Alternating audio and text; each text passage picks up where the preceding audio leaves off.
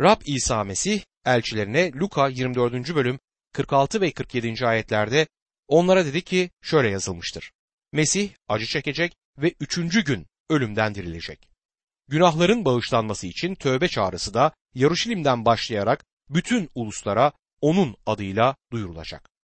Elçi Paulus da aynı şeyi Koleseliler 1. bölüm 14. ayette söyler. Onda kurtuluşa, günahlarımızın bağışına sahibiz.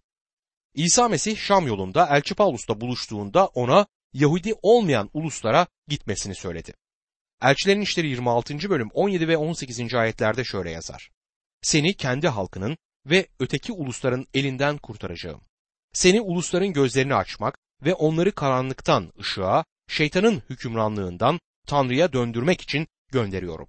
Öyle ki bana iman ederek günahlarının affına kavuşsunlar ve kutsal kılınanların arasında yer alsınlar. Mesih'in kanının dökülmesi ve onun çarmıhtaki ölümü bağışlamanın temelidir.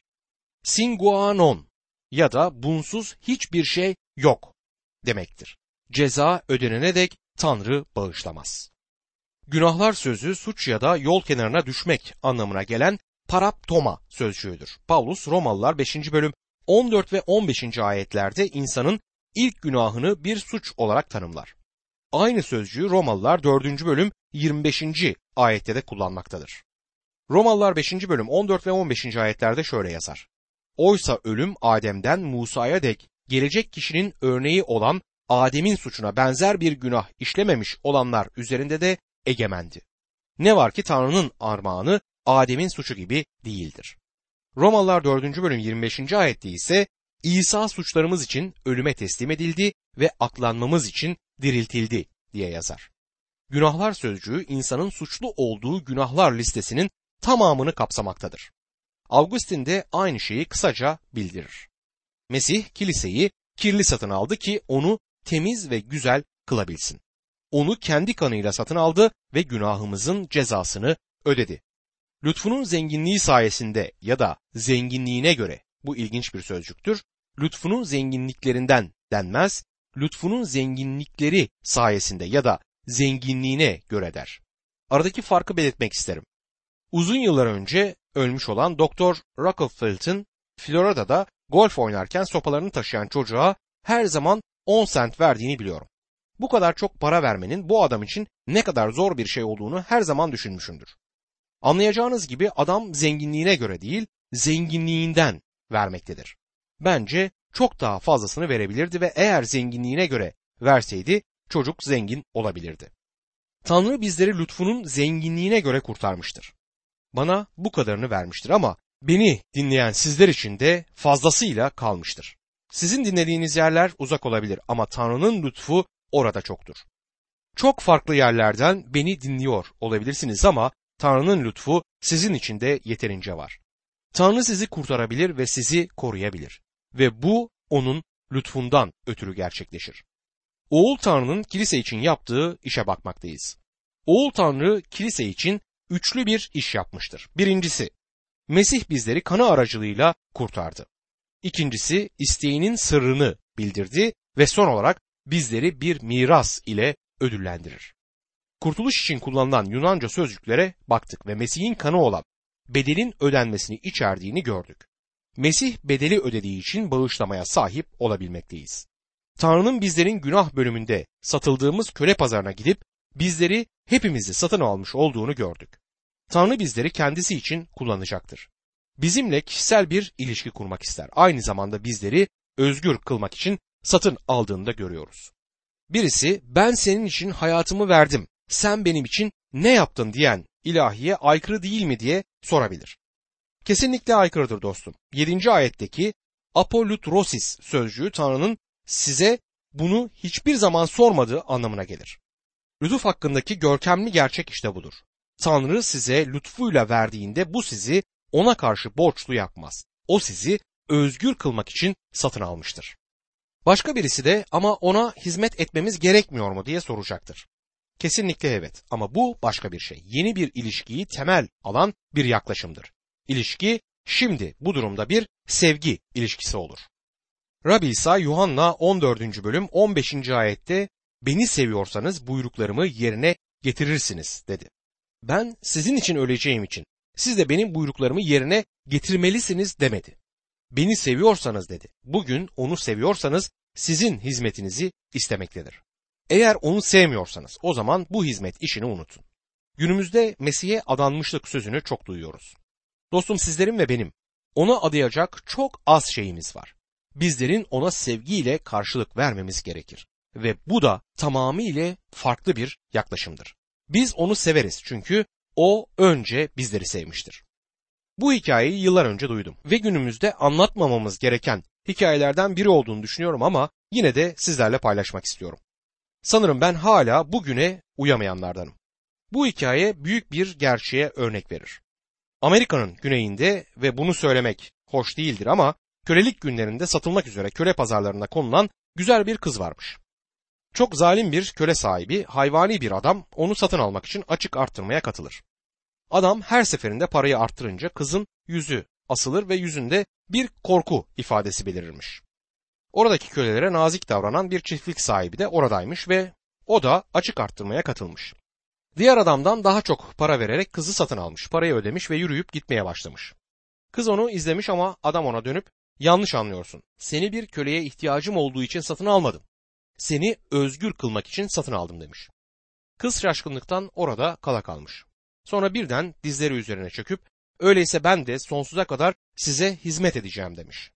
Bu öykü Rab İsa'nın bizim kendisine hangi temele göre hizmet etmemizi istediğini göstermektedir. İsa sizi sevdi. Sizin için bir bedel ödedi. Günahların bağışlanmasına sahip olabilirsiniz diye kendisini verdi ve kanını akıttı. Ona gelmeye ve onu kurtarıcınız olarak kabul etmeye razıysanız bunların hepsi sizin içindir.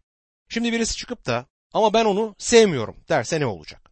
O zaman sizden kendisine hizmet etmenizi istemez. Ama eğer onu seviyorsanız o zaman kendisine hizmet etmenizi ister. İş bundan ibarettir. Kurtuluşunuzun bağışlanmasının onun lütfunun zenginliğine göre olduğunu hiçbir zaman unutmayın. Oğul Tanrı'nın kilise için yapmış olduğu ikinci işi şimdi ele alacağız. Mesih isteğinin sırrını bildirmiştir. Efesliler 1. bölüm 9 ve 10. ayetlerde şöyle yazar. Tanrı sır olan isteğini Mesih'te edindiği iyi amaç uyarınca bize açıkladı. Zaman dolunca gerçekleştireceği bu tasarıya göre yerdeki ve gökteki her şeyi Mesih'te birleştirecek. Kutsal kitaptaki sır nedir? Bunu kim yaptı ya da polisiye bir araştırma romanı değildir kutsal kitap. Suçu işleyen uşak mıydı diye düşündüğünüz bir durumda değildir. Bir Agatha Christie ya da Sherlock Holmes öyküsü değildir. Kutsal kitapta sır Tanrı'nın o zamana dek bildirmediği bir şeyi bildirmesidir. İncil'de var olan bir sırra her zaman giren iki öğe bulunur. Bunlar şöyledir. Birincisi insansal yetkilerle keşfedilmez çünkü her zaman Tanrı'dan bir vahidir.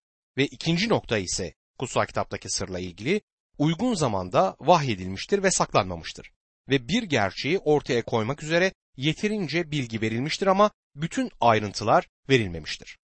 Schofield çalışma İncil'i İncil'de 11 tane sırrı listeler. Bunlar şöyledir. Birincisi göklerin egemenliğinin sırları ki Matta 13. bölüm 3 ila 50. ayetler bunu anlatır.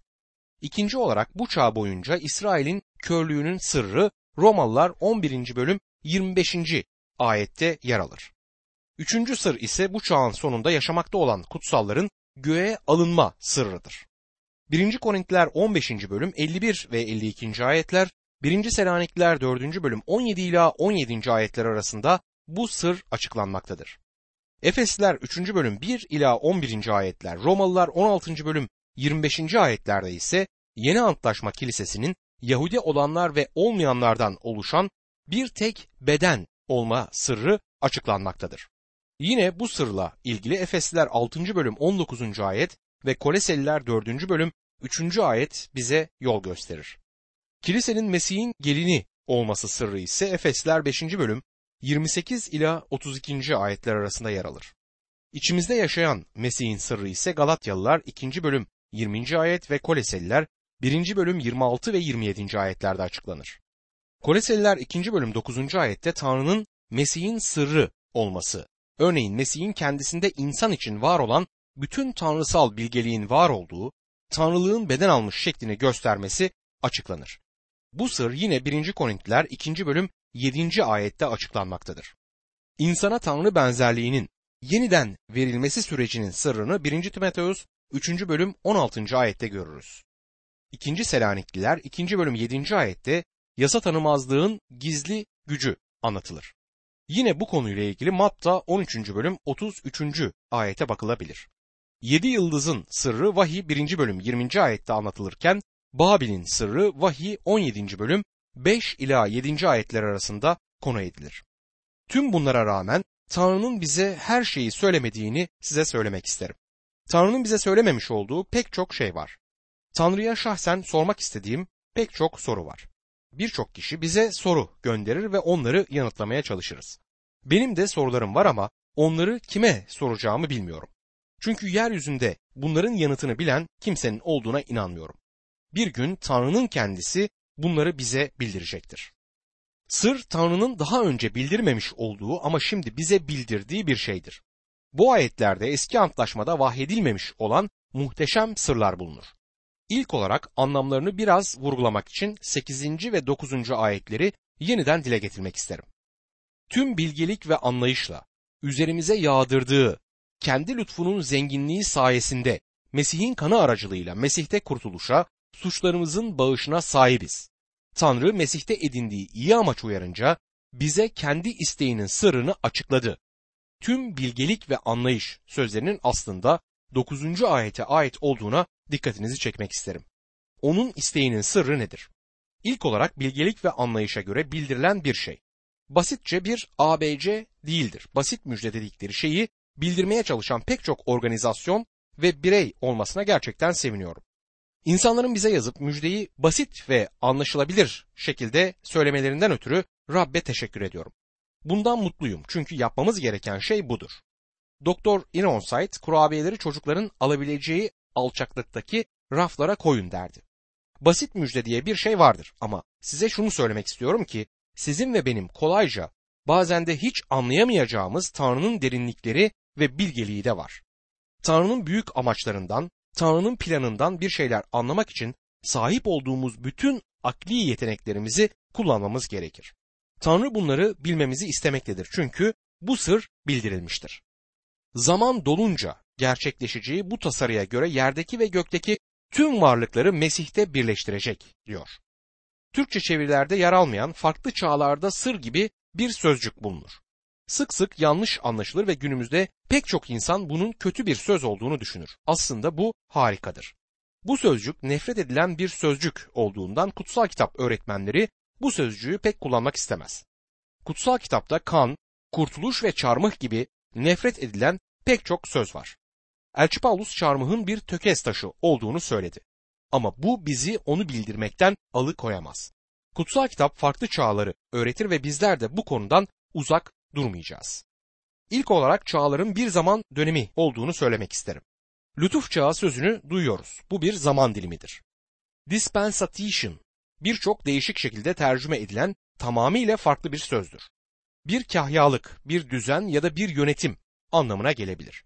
Yunancadan harfi harfine çevrilecek olursa idare anlamında kullanılmalıdır.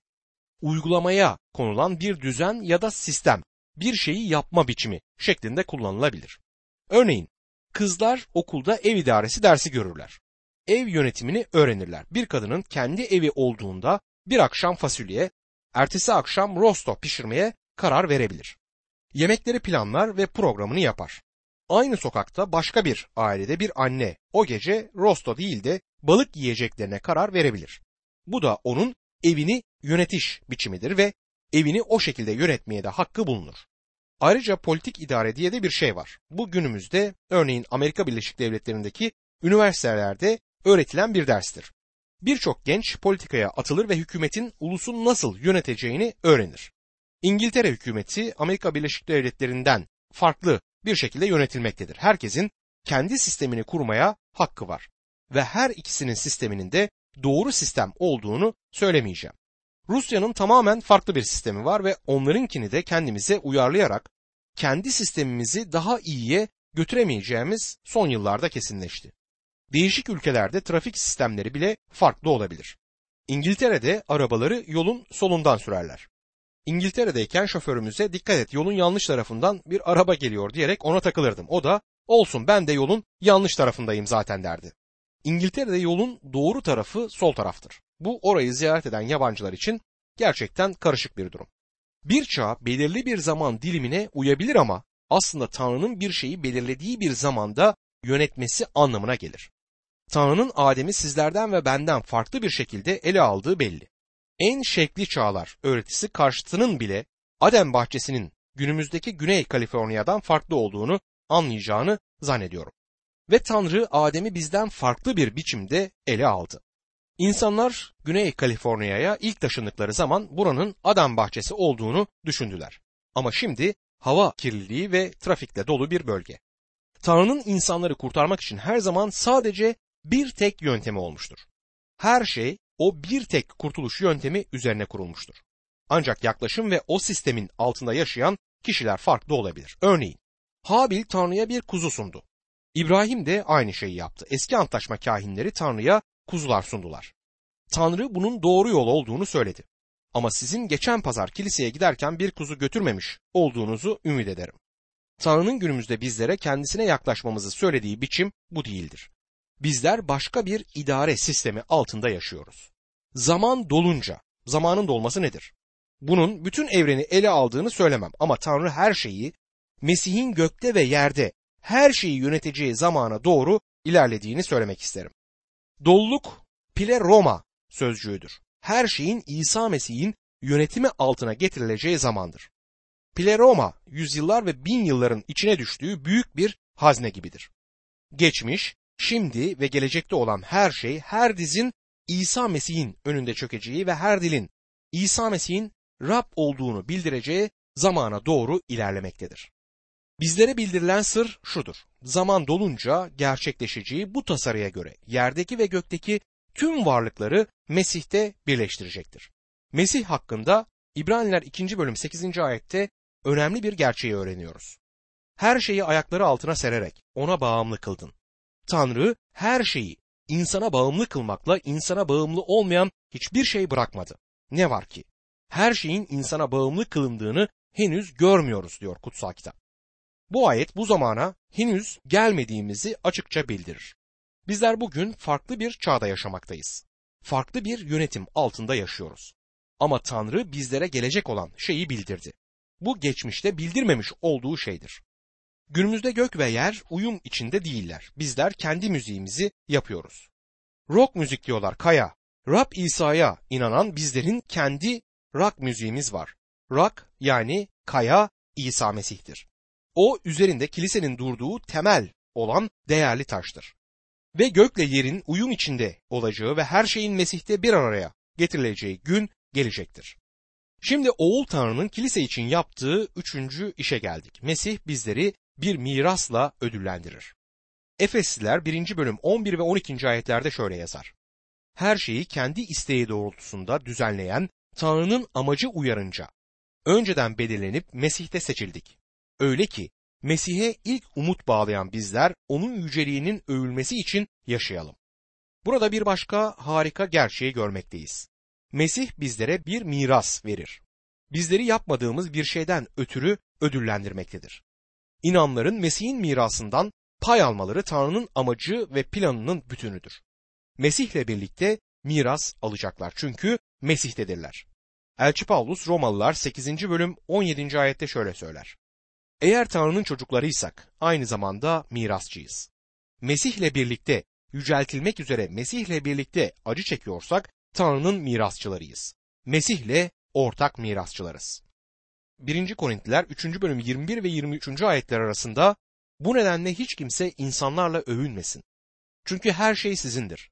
Paulus, Apollos, Kefas, dünya, yaşam ve ölüm, şimdiki ve gelecek zaman her şey sizindir. Siz Mesih'insiniz, Mesih de Tanrı'nındır der. Tanrı'nın bize söylediği bu harika gerçekleri hiç anlamıyorum ama beni oturduğum yerden kaldırıp göklere bu sözler yükseltir. Her şey benim. Mesih bana ait, Paulus bana ait. Ölüm bile bana ait olabilir. Her şey benim. Benim çünkü Mesih bunları bana verdi. Mesih benimdir. Tanrı benimdir. Bu bizim için muhteşem bir vaattir. Bütün bunlar çok harika olduklarından içimden haykırmak geliyor. Tanrı bunu önceden belirledi. Bunu kararlaştırdı. Bu sözler kurtulmuş insanlardan söz eder. Tanrı'nın hiçbir zaman kimseyi kaybolmaları üzerine belirlemediğini hatırlatmak isterim. Tanrı bizleri bir miras almak için belirledi. Eğer bu mirası benim için önceden belirlemeseydi hiçbir zaman bir miras almazdım. Bu benim hak etmediğim bir miras. Benim hak etmiş olduğum bir şeyden ötürü değil, onun lütfundan ötürü gelen bir ödüldür. Bu Tanrı'nın isteğidir ve bunun yapılmasının tek nedeni budur. Bu iyidir ve doğrudur. En iyisidir. Neden mi? Çünkü Tanrı bunu yapmayı amaçlamıştır.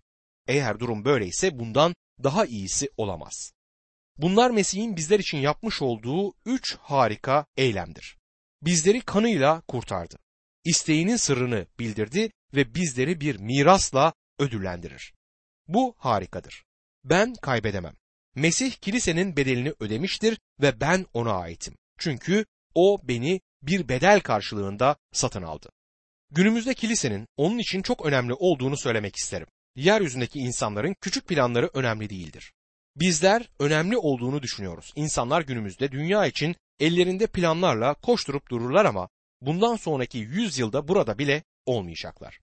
Kalabalık gitmiş olacak ama Tanrı'nın harika planı gerçekleşecektir. Bunun için Tanrı'ya teşekkür etmeliyiz. 12. ayet mektupların içinde bulduğumuz o görkemli hamd ilahilerinden birisidir.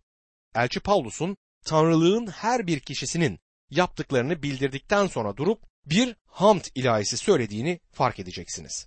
Bizlere oğulun işini anlatmayı bitirdi. Bundan sonra öyle ki Mesih'e ilk ümit bağlamış olan bizler onun yüceliğinin övülmesi için yaşayalım der. Tanrı inanlının her küçük isteğini ve kaprisini yerine getirmek için var olmamaktadır.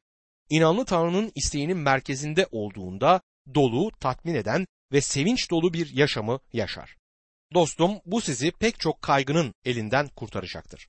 Ama Tanrı'nın isteğinin içinde olmadığınızda sorunlar patlamaya hazırdır. Bu yaşama amaç ve anlam katar. Bizler onun yüceliğinin övülmesi için varız. Tanrı sonsuzluğun sonsuz çağlarından bakıp size ve bana işaret eder. Bakın bunlar kurtarılmaya layık değiller ama ben onları sevdim ve onları kurtardım der. Bu yaşama değer, önem, onur, amaç, sevinç ve yücelik veren işte budur.